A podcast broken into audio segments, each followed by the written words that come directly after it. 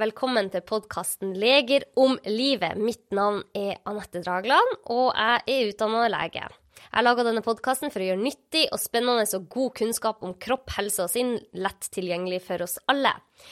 I dag har jeg en veldig spennende gjest med meg. Han heter Terje Johansen. Han er professor i biokjemi og cellebiologi ved Institutt for medisinsk biologi med mekanistisk grunnforskning innen selektiv autofagi som hovedforskningsfelt. Han er forskningsgruppeleder for Autophagy Research Group, autofagiforskningsgruppa, og vitenskapelig leder for proteomikk og metabolomikk, kjernefasilitetene, Prime ved UiT. Han er en av de mest siterte forskerne vi har her til lands, og har vunnet UiTs, Universitetet i Tromsøs forsknings- og utviklingspris i 2020 for sin banebrytende forskning og har nå bl.a. et stort prosjekt gående innen kreftforskning. Hjertelig velkommen, Terje. Tusen takk. Det er hyggelig å bli invitert. Jeg har gleda meg skikkelig til denne praten, Terje, for det er så mye spennende eh, dere forsker på der oppe i Tromsø. Og det, du sitter på veldig mye spennende og ikke minst viktig kunnskap. Jeg har hørt det på ditt ene foredrag. Jeg googla deg masse og leste opp, eh, meg godt opp, eh, Terje. Og jeg har sett på det ene foredraget ditt som heter Autofagi, kildesortering i cellene våre gir sunn aldring. Hva mener du med det? Ja, det er jo en eh, Det var masse kanskje ord og uttrykk som er ukjent for mange allerede i innledninga. Autofagi er jo en av dem. Alle vet hva automobil er. Det er en bil som går av seg sjøl. Så autofagi det betyr rett og slett eh, selvspising. Det kommer av et gresk ord. Det høres også veldig kannibalistisk og dramatisk ut. Men det er faktisk en uh, renselsesprosess, en renovasjonsprosess som cellen vår gjør. Alle cellene våre uh, i kroppen gjør autofagi for å rense opp og fjerne skadde komponenter. Og de bruker også autofagi til å bryte ned ting som de ikke har bruk for. Og hvis det er dårlige tider og det er lite næring, lite oksygen, slik at cellen ikke kan produsere energi og sånt, eh, så bryter de ned litt av seg sjøl. Der kommer selvspisinga inn i bildet for å frigjøre byggesteiner og næringsstoffer for å klare seg i dårlige tider. Og når jeg bruker det uttrykket eller tittelen autofagi og kildesortering, så er det fordi at eh, vi var blant de som eh, oppdaga de første autofagireseptorene. Det er altså det proteiner inni kroppen vår som faktisk funker som eh, renovatører. Som gjenkjenner det som er skadd, og som eh, tar det med seg inn i en struktur som vi kaller for autofakson. Vi kan si det er lastebilen som kjører søpla. Og den kjører det til destruksjonsanlegget, som Eh, der resirkuleringa skjer. Og Det destruksjonsanlegget inni cellen vår kalles for lysosom. Det er en, en membranomslutta eh, greie der det sitter masse fordøyelsesenzymer som eh, bryter ned ting til sine enkelte bestanddeler. Og Det handler egentlig om at eh, hvis man eh, eh, renser cellene sine for skadde og giftige komponenter ved hjelp av autofagi, så kan de også leve lenge. Og vi trenger cellen til å leve lenge hvis vi som, som organisme, den svære, organiserte haugen av celler vi faktisk er, skal kunne leve gode liv og også aldres på en bra måte. Det blir veldig mye fokus på at dette er en prosess som man må ha i god trim når man blir eldre. For at nervecellene våre skal gjøre det bra, og musklene skal funke bra osv. Så, så autofagi skjer det hele tida? I kroppen vår? Ja, det, det, er sånn at prosessen er på en måte grovt sett todelt. Du har den, den eh, eh kvalitetskontrollprosessen som liksom går i bunnen hele tida. Og når vi utsettes da for stress eller mangler næring og sånt, så kan den slås kraftigere på. Så den er regulert. Det er som en termostat som du fyrer opp autofagien når du trenger det. Fordi at nå F.eks. hvis du har eh, trent noe fryktelig hardt, så må du bytte ut skadde muskelfiberkomponenter. Og da må du gjøre autofagi. Da blir dette et stress, og eh, autofagien bryter ned de gamle, og så lages det nye. Så det er veldig viktig å huske på at celler, cellen vår er en enhet. Noen av dem skal vare hele livet ut, sånn som alle nervecellene våre. Og det er da må du ha en god rengjøringsprosess for å bytte skadekomponenter. Det er akkurat som en, Skal du ha en bil til å gå 400 000 km, så må du bytte motordeler og slitedeler. Det, det er det autofagien gjør i selv. Ja. Så autofagi er jo kjempeviktig for at vi nettopp skal få en sunn aldring. Ja. Og vi skal gå litt nærmere inn på det, for at jeg, du har vist eh, bilder i foredraget to tvillingaper der den ene Eh, har fått økt autofagi, der man ser forskjellen på aper som har mer autofagi enn de som ikke har økt eh, autofagi. Og det, det, altså dette feltet her blir jo bare mer og mer relevant, for vi, vi, blir jo eldre og eldre, og vi har jo lyst til å leve sunne og gode og friske liv senere, i senere aldre òg. Ja. Det er jo nettopp det at vi, vi blir eh, Flere av oss blir eldre og eldre. Jeg tror at altså fra 900 millioner eh, som over 60 i 2015, så skal vi antagelig komme helt opp i 2 milliarder som er over 60 år i 2050. Altså over 20% av verdens befolkning er over 60 år. Så, og særlig eh, i eh, den delen av verden der det er gode helsesystemer sånt, og mer bevissthet og utdannings... Eh, mye utdanning, så er jo folk veldig bevisst på det her med, med å ha en sunn aldring. Og ja, folk tenker litt eh, på det livet etter de eh, slutter å jobbe også. Og de skal jo også kunne jobbe lenger, sannsynligvis vil det kunne bli sånn hvis det, det, det All utvikling har jo vist at vi blir jo eldre og eldre. Eh, så jeg vet ikke hva gjennomsnittsalderen er nå i Norge. Det er, det er i hvert fall 83-84, noe sånt. Som, som mm, mm. Så, eh, men det, du kan si det med eh, Det er en del usikkerhetsfaktorer som gjør at eh, vi trenger massevis av mer forskning på autofagi for å forstå det. Vi vet at f.eks. det du refererer til forsøk som man kan gjøre med aper, der den ene apa blir kalorirestrigert. Dvs. Si at man får ikke for mye kalorier i maten. mens det, hvis du sammenligner med en tvilling som da får ete akkurat det den vil, så er det kjempeforskjell på når de blir gamle, hvordan både de ser ut, og det, hvor fysisk aktive de er, og, og, og sånne ting. Så, og Da tilskriver man det mye godt en økt autofagi. Men det er nok ikke bare det. Det er nok andre komponenter her også. Så for å skille ut og vite hva som er hva, så trengs det masse forskning. Og du kan si på um, Det å måle autofagi i folk er veldig er ikke enkelt. Så å ta prøver og sånt vi er jo avhengig av å kunne ta blodprøver og sånt for å se. og Vi gjør ikke det, men det er jo folk, mange som er interessert i det for å få autofagien fra grunnforskninga i laben og over i eh, klinikk, sånn at man kan eh, måle på ting der. Så ja, Jeg kunne si mye om hvorfor det er vanskelig, men det, det handler nettopp det at det, det, er en prosess der du må måle startpunktet, og så må du blokke degraderinga, altså nedbrytninga. Du må stoppe destruksjonsanlegget og så se hvor mye er det i anlegget når jeg har slått på full speed for å få det dit. ikke sant? Og Så må du sammenligne når anlegget går. Og Da kan du vite hvor mye autofagi som er. Og En del forsøk har jo vist det at eh, f.eks. gamle professorer i Oxford de hadde mindre autofagi enn en yngre professorer. Så når man tok prøver og målte på det her. Så så, og i, i forsøksdyrene så ser vi det at det, det går ned. Forsøksdyr er da mus og bananflue f.eks. Og der går autofagien ned med alder. Så autofagi er kjempe, kjempeviktig for oss. Og det vi vet nå, for vi trenger masse mer forskning, og det er derfor jeg er så glad for det finnes eh, forskere sånn som deg, Terje, som er lidenskapelig eh, interessert i det her. Men eh, autofagien er kjempeviktig for at vi skal holde oss sunne og friske. Den renser opp i kroppen, på en måte. Og evolusjonsmessig så har dette vært viktig for oss. Hvorfor? Du, du forklarte litt om det i foredraget. Altså En del av en, en, en, viktig forutsetning er jo det at vi har utvikla et veldig eh, stort og avansert nervesystem. Så det gjelder jo å holde disse nervecellene i orden.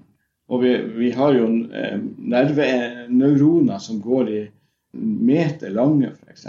Alle som har hatt ischias, vil jo kanskje huske og kjenne at den, den nerven går fra, fra, ryggraden og nedover beina langt og kan være over en meter lang.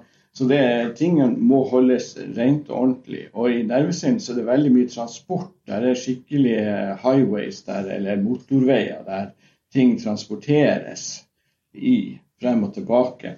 Og um, da er det viktig at dette maskineriet blir holdt i orden. og um, da, da, kommer igjen autofagien inn i bildet. Og En del av problemet er jo neurodegenerative sykdommer. Sykdommer som gir problemer når man blir eldre, fordi at det, det lagrer seg opp proteiner i uh, nervecellen vår som ikke lar seg fjerne effektivt. Og Det er da proteiner som da har, uh, i noen tilfeller har mutasjoner som gjør at du, du får sykdom. I andre tilfeller så blir den bare hopa opp.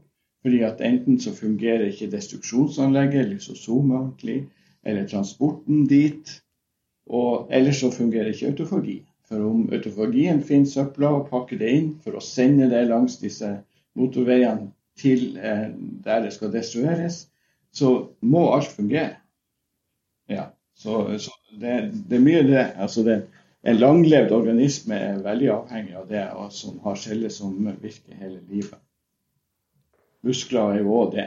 Jeg elsker at kroppen vår fungerer sånn som den fungerer, og at du forklarer det så enkelt. ikke sant? At det er kildesortering her. Man bruker Man fjerner avfallsstoffer, og så tar man også bruker ting på nytt igjen. Man resirkulerer det. Det er et veldig fint bilde på hvordan autofagi fungerer i kroppen.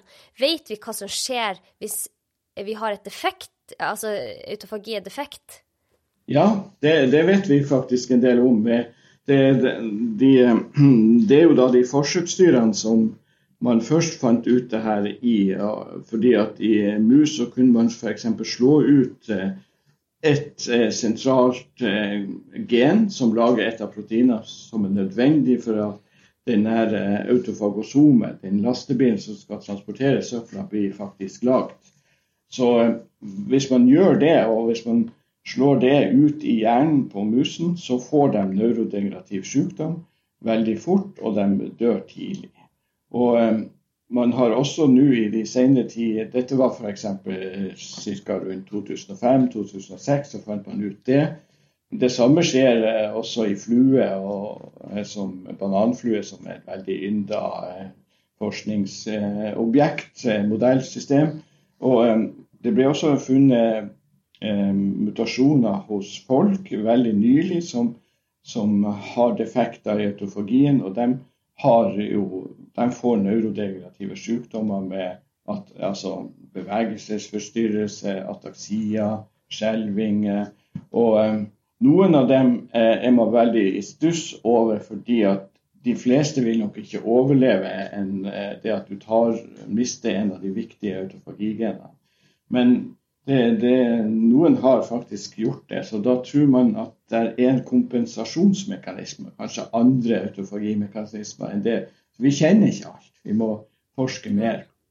Og det motsatte så kan man faktisk eh, i mus øke autofagien, og da lever de lenger. Det var gjort forsøk med at hvis man putter inn et gen, et viktig autofagigen, faktisk det som man tar bort, som gjør at musen får neurodegenerativ sykdom og dør tidlig.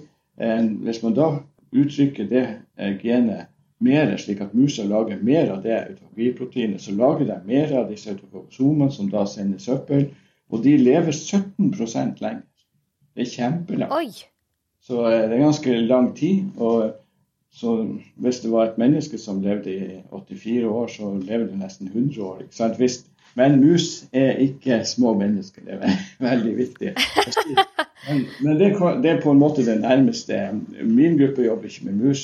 men andre, vi jobber med cellevarer og sånt. Så, men eh, det er det nærmeste man kommer av det som blir forska på når det gjelder den type um, ting. Og um, man har også gitt mus som er 600 dager gamle, altså ett år og sju-åtte måneder. Da er det en gammel mus. Og den musa, ja. hvis den får da en, en um, medisin som da stopper et enzym i kroppen som um, som gjør at um, autofagien øker. Hvis de får mer autofagi den siste levetida, så lever de også opptil 14% lenger. Da, da, var det sånn at da var det en kjønnsforskjell. Da var det homusen som levde lengst, og 14 tror jeg, og hannmusen levde 9% i det studiet. Men det, det, er gjort masse sånne studier også i eh, flue, og, og, alt tyder på at eh, hvis du får økt autofagien, så lever de lengre og er friskere. Ja, for jeg tenker at det er jo veldig relevant, det der med at du sier at de blir friskere. For vi, det er jo veldig, veldig mange mennesker nå som sliter med sykdommer. Og vi vet at veldig mange sykdommer øker i forekomst. Og vi lever lange liv, men vi blir sykere i tidligere aldre, viser en del studier nå. Og det er jo veldig spennende å se om autofagi har, har en, at det er en del av bildet her. Ja, det er det, må, det er det noen må finne mer ut av. Det, skal ikke vi gjøre her i vår gruppe, for vi jobber med de grunnleggende mekanismene. Vi prøver å finne disse proteinene som er viktige, og hvordan de samvirker med hverandre inni cellen. Så må vi ha folk som tar det her videre inn kanskje i, i mus og bananflue. Og mange ganger samarbeider vi med folk som f.eks. jobber med bananflue, for å teste det i en hel organisme. det vi finner. Og så har du det at det må videre. Man må kunne måle autofagien på folk uten at det er noe særlig inngripen. Man, eh, jo, hvis man kunne tatt en blodprøve og fått eh, fornuftige målinger, og sånt, så, så, har det vært veldig bra. I mus så er det jo sånn at man faktisk kan ha eh, markører, proteiner, i, i musa som man kan filme inni den og se hvordan det skjer. Med fluoresens eller andre med PET-skanning så kan man se aktiviteten som autofagien har i ulike vev av musa. Man kan se på det som kalles for mitofagi, dvs. Si hvordan mitokondria blir brutt ned med autofagi i ulike vev. Da er det forskjell i ulike vev i mus og hvem som er mest aktive i denne prosessen. Så det, det, kan man måle på. Så er det da det viktige trinnet videre til å få det her over i klinikken. Og til slutt, eh, eller samtidig, så går det jo noen eh, større Det er altfor få befolkningsundersøkelser for å se på um, hvordan stoffer som påvirker autofagien, kan påvirke eh, kognitive funksjoner, hvor, dvs. Si på godt nordnorsk hvor bra hodet fungerer når du blir gammel.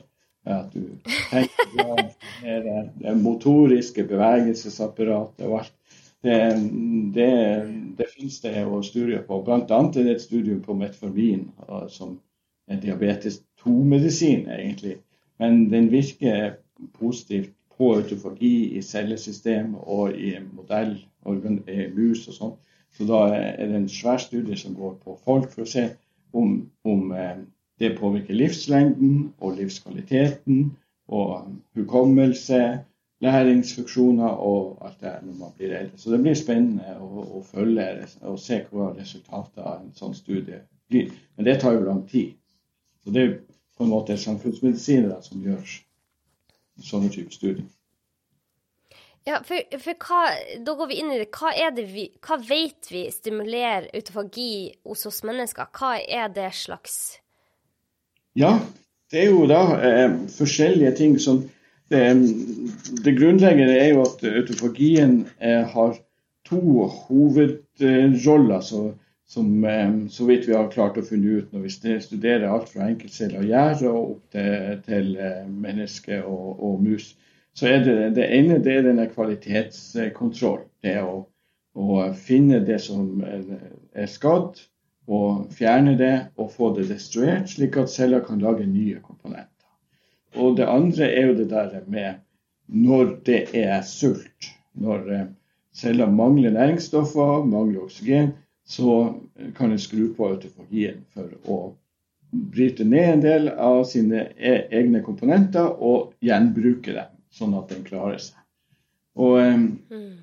og, de stoffene som, Det er ganske mange stoffer som på en eller annen måte påvirker autofagi. men Det er jo det enkleste å tenke på, det er stoffer. Men ved å spise mindre og ved å gjøre sånn Mange har eh, Nå går det studier på hvor viktig er sånn fasting eh, for autofagi. Da snakker man Ja. Det som er enklest for folk å gjøre, det er det som kalles for eh, time restricted feeding. Altså det å bruke tidspunkt. Sånn at folk eter det de et, eh, ikke er overet, sånn som jeg gjør, dessverre. Eh, men det er jo mitt problem. Eh, altså, det å spise til bestemte tider, sånn at de har en fasteperiode. Og da er det f.eks. det kan være en sånn 8 til 16, der eh, man faster fra si klokka 8 om kvelden og hele natta, og så spiser man ikke frokost, men man begynner vel på igjen klokka tolv eller noe sånt. En sånn type Ja. måte å ete på, eller å ikke ete på, eh, vil indusere autofagi i løpet av natta. For det er studier som viste, som begynte med studiet i bananflue igjen, viste at eh, disse genene som styrer vår døgnrytme, de er også med å regulere autofagien. Så um, hvis du fast, eh, på, Det er på natta man gjør mest autofagi. og Dette må man studere mer på folk for å få mer data. Ja. Så kommer igjen det her problemet med hvordan måler vi den prosessen i folk. og sånn. Så, Men vi får stadig bedre instrumentering og alt eh, innen forskninga. Så altså, mm, jeg har god håp for at vi skal kunne få gode svar på den type ting. Så vil vi kunne se at om natta så sannsynligvis så øker vi da autofagien ganske mye. Og så når vi da begynner å spise igjen, så slår vi det mer og mer av. Men vi har likevel noe gående i bunnen hele tida. Så det er den faste ting. Det andre det er jo trening. Ja, men, men, men Terje, det her må vi snakke litt mer om før vi går på trening, for det, det her er superspennende. Så du sier at fasting, eh, sånn intermittent fasting, kan Ja. stimulere eh, til økt autofagi hos oss. Men det er Ja. mest av det på natta. Så hvis jeg faster, så er det, er det viktigere at jeg faster da på kvelden og natta enn at jeg La oss si at jeg slutter å spise klokka seks. Så vil det være bedre enn å spiser jeg tidlig enn at jeg slutter å spise klokka ti på kvelden, og så spiser jeg heller lenger utover dagen? Jeg er litt usikker på. Det er jo nettopp det som man må finne ut av. Det man så på fluen, var at eh, det var på eh, natta at det hadde effekt. Hvis du fasta dem på den dagtida, så hadde det ikke sånn effekt.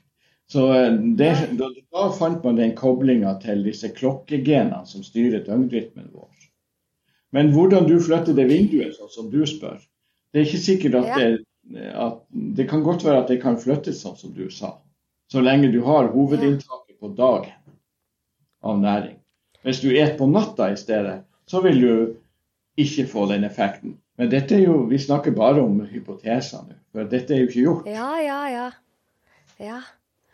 Det er det vi ikke vet, og det er derfor det er så superspennende. Ja. Det, det, det er akkurat det. det. Forsøkene må gjøres. Noen må være prøvekaniner og, og testes. OK, men du sa trening også kan Ja. gi økt autofagi. Jo, det, er nettopp det. det kommer av at eh, når du trener, så eh, bruker du opp eh, eh, muskelmateriale. Proteinene i eh, musklene blir slitt og må byttes ut. Og da kommer autofagien på. Og det vil da hjelpe på. Og vi vet jo at trening hjelper for veldig mye. Og, og det man må være kanskje Jeg, jeg står jo på autofagien og grunnforskning i cellen, så man blir kanskje litt overivrig i, i um, den betydning man mener autofagien må ha for det her. Men vi vet jo ikke svarene, så man kan kanskje overtolke betydningen av autofagi. Men det er mye bedre det, og så får det heller testes og motbevises. Men det, det som er viktig, tror jeg, er at eh, vi har eh, forsøk som At vi har folk som blir test, at det blir gjort forsøk på disse tingene her, og at prosessen i forskninga fortsetter å gå sånn at vi lærer nytt. Mm. Men OK, så vi vet at trening også kan stimulere autofagi, i hvert fall. Ja.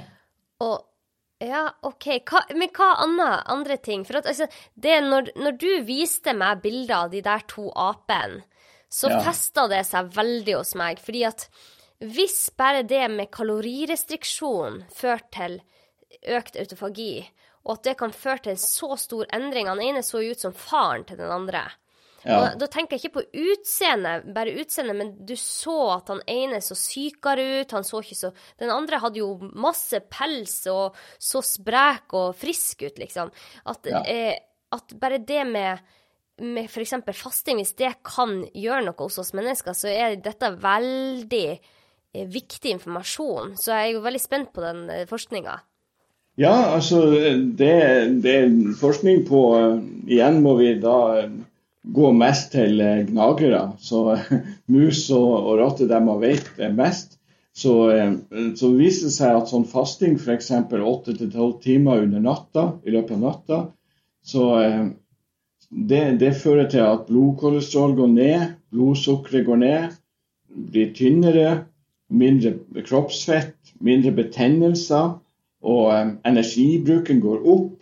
Bedre kontroll over bevegelser, muskulatur, mer utholdende, og uh, søv bedre, og hjertefunksjonen går opp på uh, mus. Men man har jo ikke den type tilsvarende svar fra mennesker, da. Så det, det, det mangler. Så det, det, må vi ta som forbehold. Men det virker jo veldig interessant og lovende, kan vi si. Men hvor mye av det her er som er autofagi, og um, hvor mye som er også tilleggseffekter. Vi vet at autofagi reduseres, men kalorirestriksjon og sånn fasting har også antagelig effekter på andre ting som ikke bare er autofagi, men som også er kunstig. Så um, ja. f.eks. mitokondriefunksjon og sånne ting der er autofagien veldig viktig for at den kan ta de skadde, gamle mitokondriene og fjerne dem. Men det kan også være at eh, kalorirestriksjonen via andre eh, signalveier i celler forbedrer mitokondriehelsa. Uten at vi trenger å, å, ah. hive dem på dynga, for å si det sånn. Så, for det autofagien gjør, det er jo rett og slett å hive dem på dynga. Men mitokondriene er så viktige at når vi har bruk for dem, så bruker de å isolere den biten av seg sjøl som er dårligst. For de kan være som lange sånne slanger, eller de kan se ut som peanøtter. Så deler de seg opp, og da er de en pakke som er lett å ta for autofagimaskineriet. Så det, de, de, tar liksom de dårlige komponentene og skyver i én del av mitokondria, så blir det tatt. Hvordan det der skjer, er veldig fascinerende, vi vet ikke. Men det skjer til og med i gjærceller. Altså. Og det var en studie av disse gjærcellene, altså det som man bruker for å lage brød og brygge øl og sånn. Det var der eh, kunnskapen om autofagi eh, virkelig tok farten, og Yoshinori Ozumi fant de 15 første genene som styrte autofagien. Det er liksom 15 kjernegener som du trenger. Og de har gjær, denne enkel, enkeltcelleorganismen, og dem har vi også. Så det, og de ligner på, og vi kan kjenne proteinene igjen. på en måte. Hm. Men eh, så ja, da var det kalori, og så var det trening, og så er det da enkeltstoffer som man kan Som medisiner, eh, som metformin f.eks. Og så er det næringsstoffer som spermidin, som man får i masse næringsstoffer inn. Man har gjort eh, studier av eh, folk som har sett på hva de har spist over en periode, og, sett, og da målt på inntaket, hvor mye spermidin har de fått. og så sett på hvordan de klarer seg. De har sett på eldre folk i løpet av en, en del år. Og de klarer seg kognitivt eh, best, de som eh, å gjøre sånne tester, hukommelsestester og, og, og, læringstester, språktester. De som har fått mest spermidin inn via kost. Så, Hvor, hvordan kost, Hvor får man spermidin fra? Jo, det er massevis av det rundt i ulike. Jeg er ikke noe eh, ernæringsekspert, så, men eh, jeg vet det, du får det både i, i, nøtter og fisk. og Det er masse faktisk næringsmidler som har det. Så det, det kan man google og se hva som er best. Og så har du resveratrol, som finnes i vin, f.eks. rødvin. Men det kommer jo egentlig fra drue, drueskall og sånne ting. Det er også en stimulator. Og eh, metformin, som, som, vi var inne på, som er den her eh, medisinen som ingen egentlig vet akkurat hvordan det virker, men som blir gitt til eh, folk eh, som blir diagnostisert med diabetes 2. Og det er veldig mange som blir etter, etter middagshøyden, kan vi si, i livet. Så når vi blir eldre, så og, er det, så, det, viser seg å være veldig gunstig, også ved at det er en stimulator av autofagi. Men den, igjen så stimulerer den også sikkert andre ting. For den blodsukkernivået og alt påvirkes. Så stoffskiftet blir jo også påvirka her. Og stoffskiftet snakker jo med autofagien. For autofagien avgjør jo næringsstatusen, bl.a. Så det er derfor at fasting virker inn på det. altså. Men man, det er veldig viktig å ikke faste for mye, for det er jo destruktivt. Så det her må avpasses, og det er derfor man trenger Så jeg, skal, jeg tør ikke å synse på folk. Jeg holder meg til cellen. da. Så der er det en begrensning. Så Derfor trenger vi jo mer studier på det her. Men det er jo masse studier som viser at det kalorirestriksjon fungerer, og at eh, sånn intermittent eller sånn fasting fungerer. Og Nå vet man at det er en kobling mellom det og autofagi. For det, Selve begynnelsen av autofagien var at man sulta gjærselen for nitrogen. Og da så man at denne prosessen kom i gang. veldig. Altså, problemet med sykdommer er jo at eh, ja, nå skal ikke jeg gå videre. Du, du, må, du, må, bare stoppe meg. Jo, jo, dette er superspennende. Fortsett. Problemet med, med, med autofagi og sykdom som man må rydde opp i, og som krever veldig mye forskningsinnsats, er jo hvor viktig de er for å, hvor viktig autofagiprosessen og den selektive autofagiprosessen Det er jo den vi tror er viktigst for å fjerne ting. Eh, det er ut fra en veldig enkel eh, bondefornuft at eh, vi, man bør fjerne ting som er ødelagt eller som er i overskudd, og ikke ta alt på, på, en tilfeldig vis. Altså en, så Derfor tror vi at det er en selektivitet i det meste av autofagien som foregår i, i uh, våre celler, i et høyere organisme. I gjær så vet vi at det er en bulkautofagi som går, som ikke bryr seg om selektivitet. Den bare tar en del av, av det som er inni cella og bruker det opp igjen. Sånn.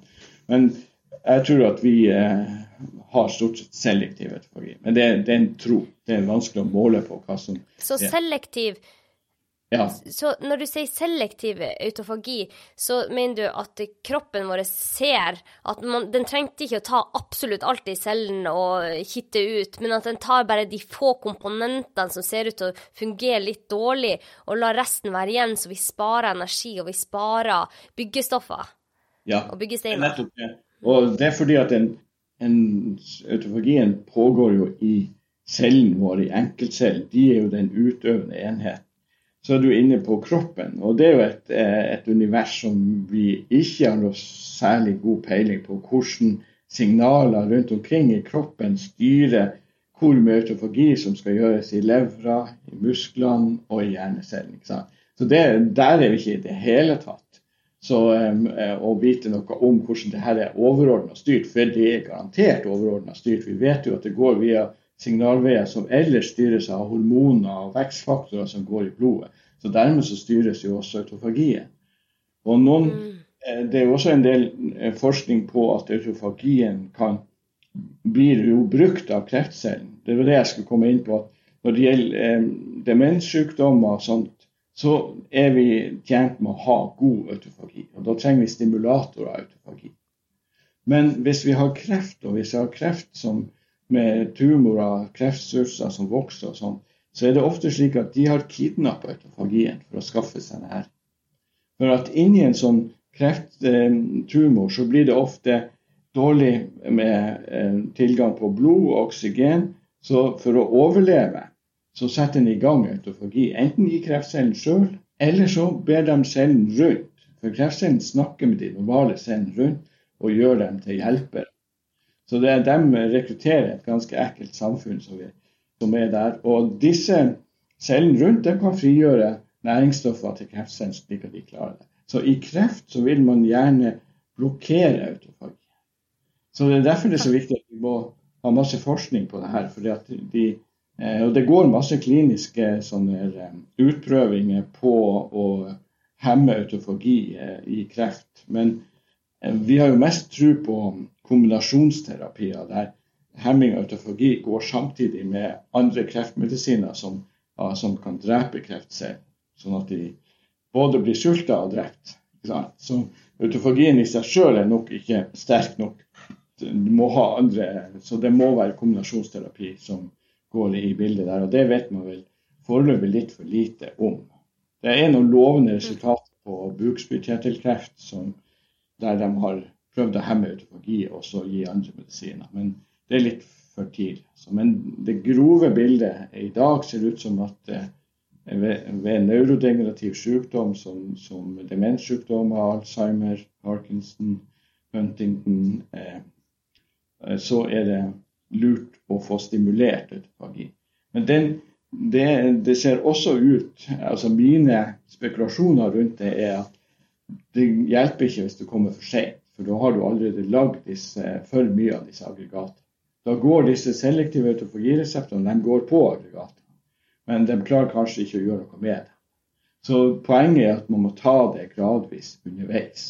Det er derfor. Mm. Som det ble vist i mus, selv mus som er relativt gamle Hvis du stimulerte autofagien og den var eh, ett år og sju måneder, kanskje de lever normalt bare to til to og et halvt år, så levde de mye lenger. Altså hele 14 lenger for hunnmus. Og, og, da startet de midt eller langt ute i livsløpet. Mens mus som fikk boosta autofagien, økt gien fra starten av, de levde hele 17% lenger i det studiet som var gjort der. Men eh, vi trenger mer forskning, mer grunnforskning. Og så må det translateres inn i klinikk.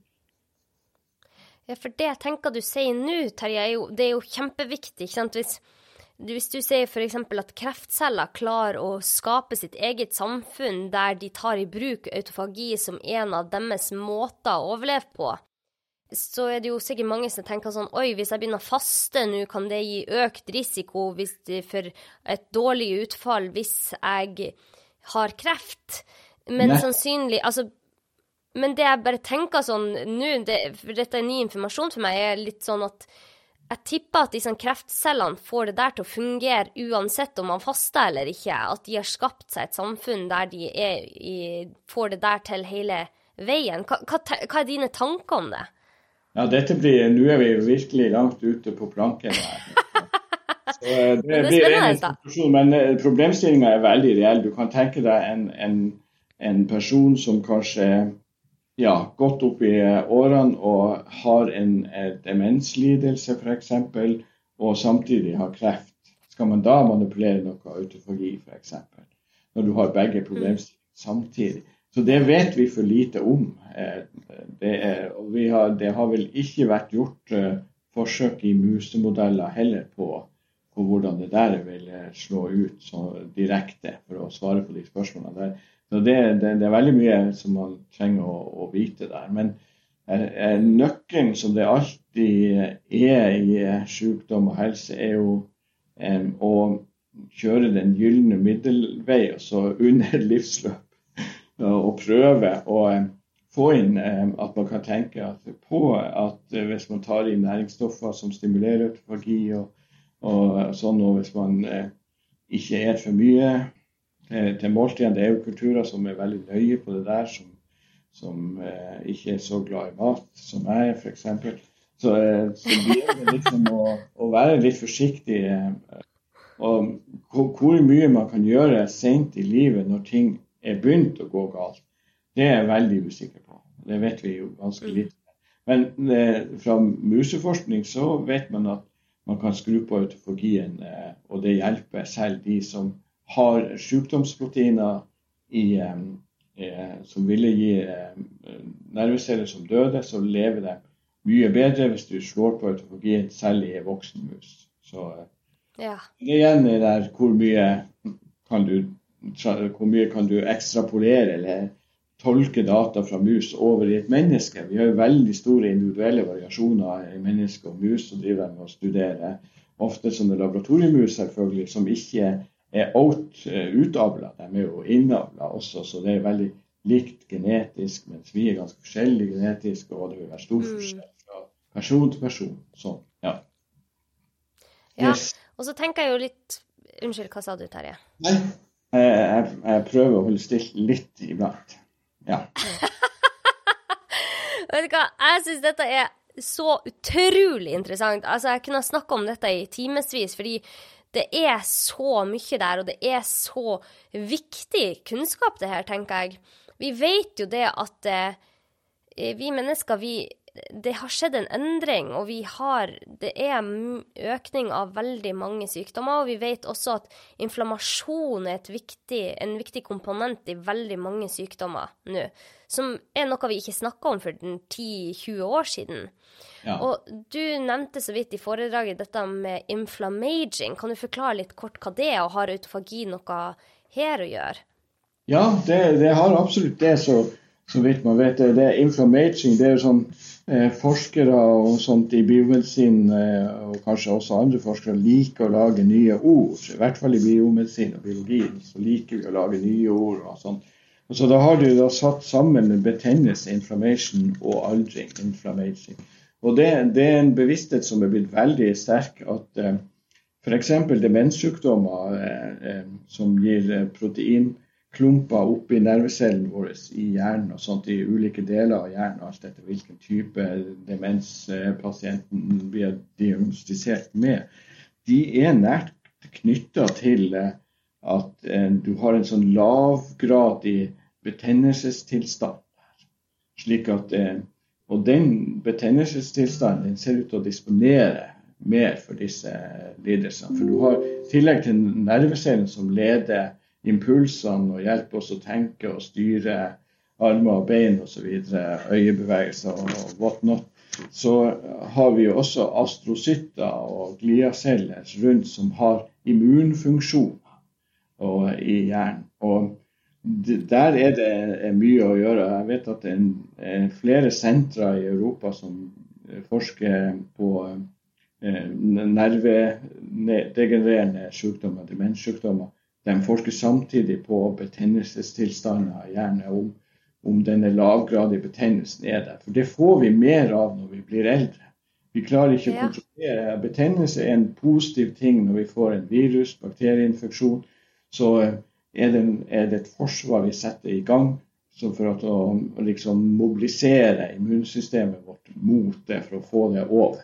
Men når dette blir gående over lengre tid, så er det ikke gunstig for kroppen. Også når det blir systemisk, at det går i mange vev i kroppen og også i hjernen. Så man, man er, er, veldig obs på det her. Og det man vet om autofagi så langt, er jo at eh, den kan være med på å dempe betennelsesreaksjoner. Så det kan også være at prosessen kan ta ut komponenter som kan føre til det motsatte i enkelte tilfeller. Så vi vet altfor lite om eh, Det er altfor lite grunnforskning på det her. Men vi vet at noen av disse selektive autofagireseptorene, bl.a. den som vi først oppdaga, den kan være involvert i å fjerne proteiner som fører til betennelse. Det er f.eks.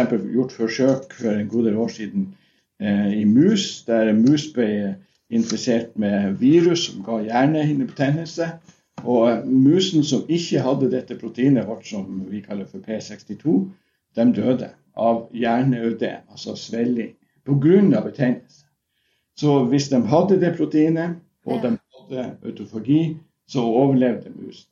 Eh, proteinet gjorde ingenting med virus. Det var like mye virus i, i cellen i, i hjernen til musa, men musa overlevde, for hun fikk ikke svelling pga. betennelse.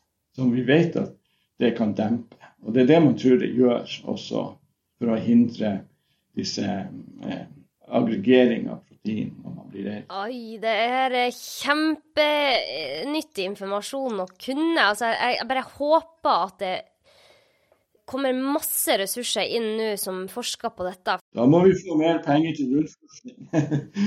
Nettopp, det er akkurat det vi trenger.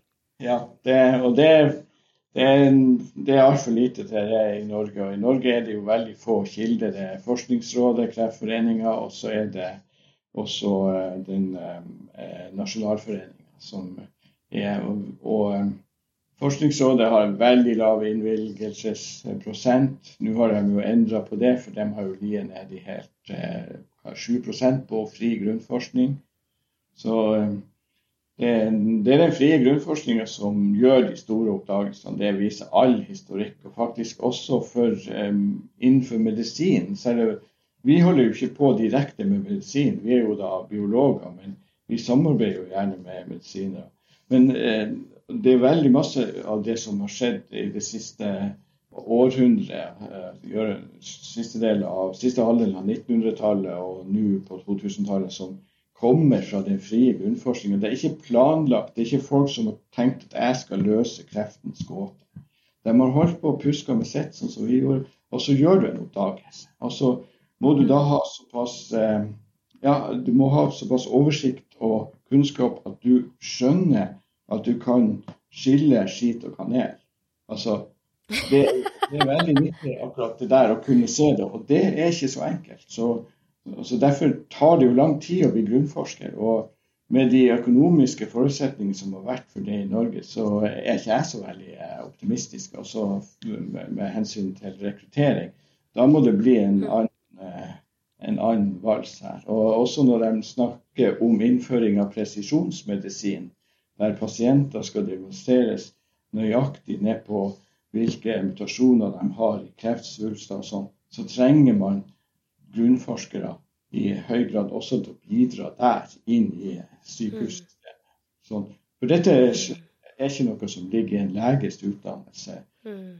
ulike ting. Så her er det flere yrkesgrupper som har virket sammen. Så den, den, frie grunnforskningen må få mer penger. Da blir det bedre. Tror jeg. Jeg er helt enig.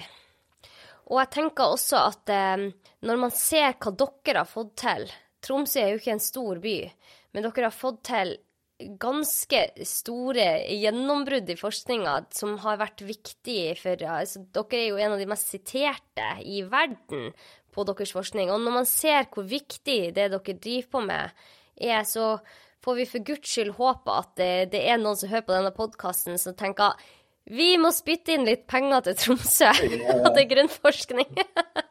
Men det er jo det som er med grunnforskninga også, at vi står, vi, vi står, jo i en internasjonal eh, sammenheng hele tida.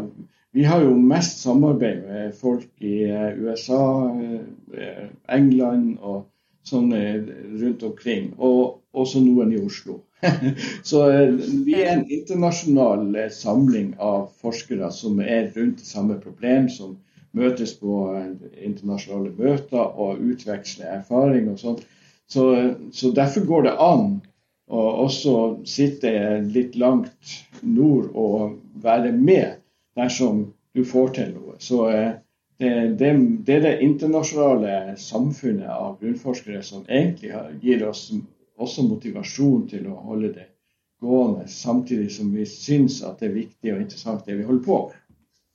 Men eh, mange begynner kanskje med noe som de ikke vet er noe viktig. og Så går det et tiår eller to, og så skjer det et eller annet. Aha, dette kan brukes til det. Det trodde jeg aldri at jeg skulle komme opp.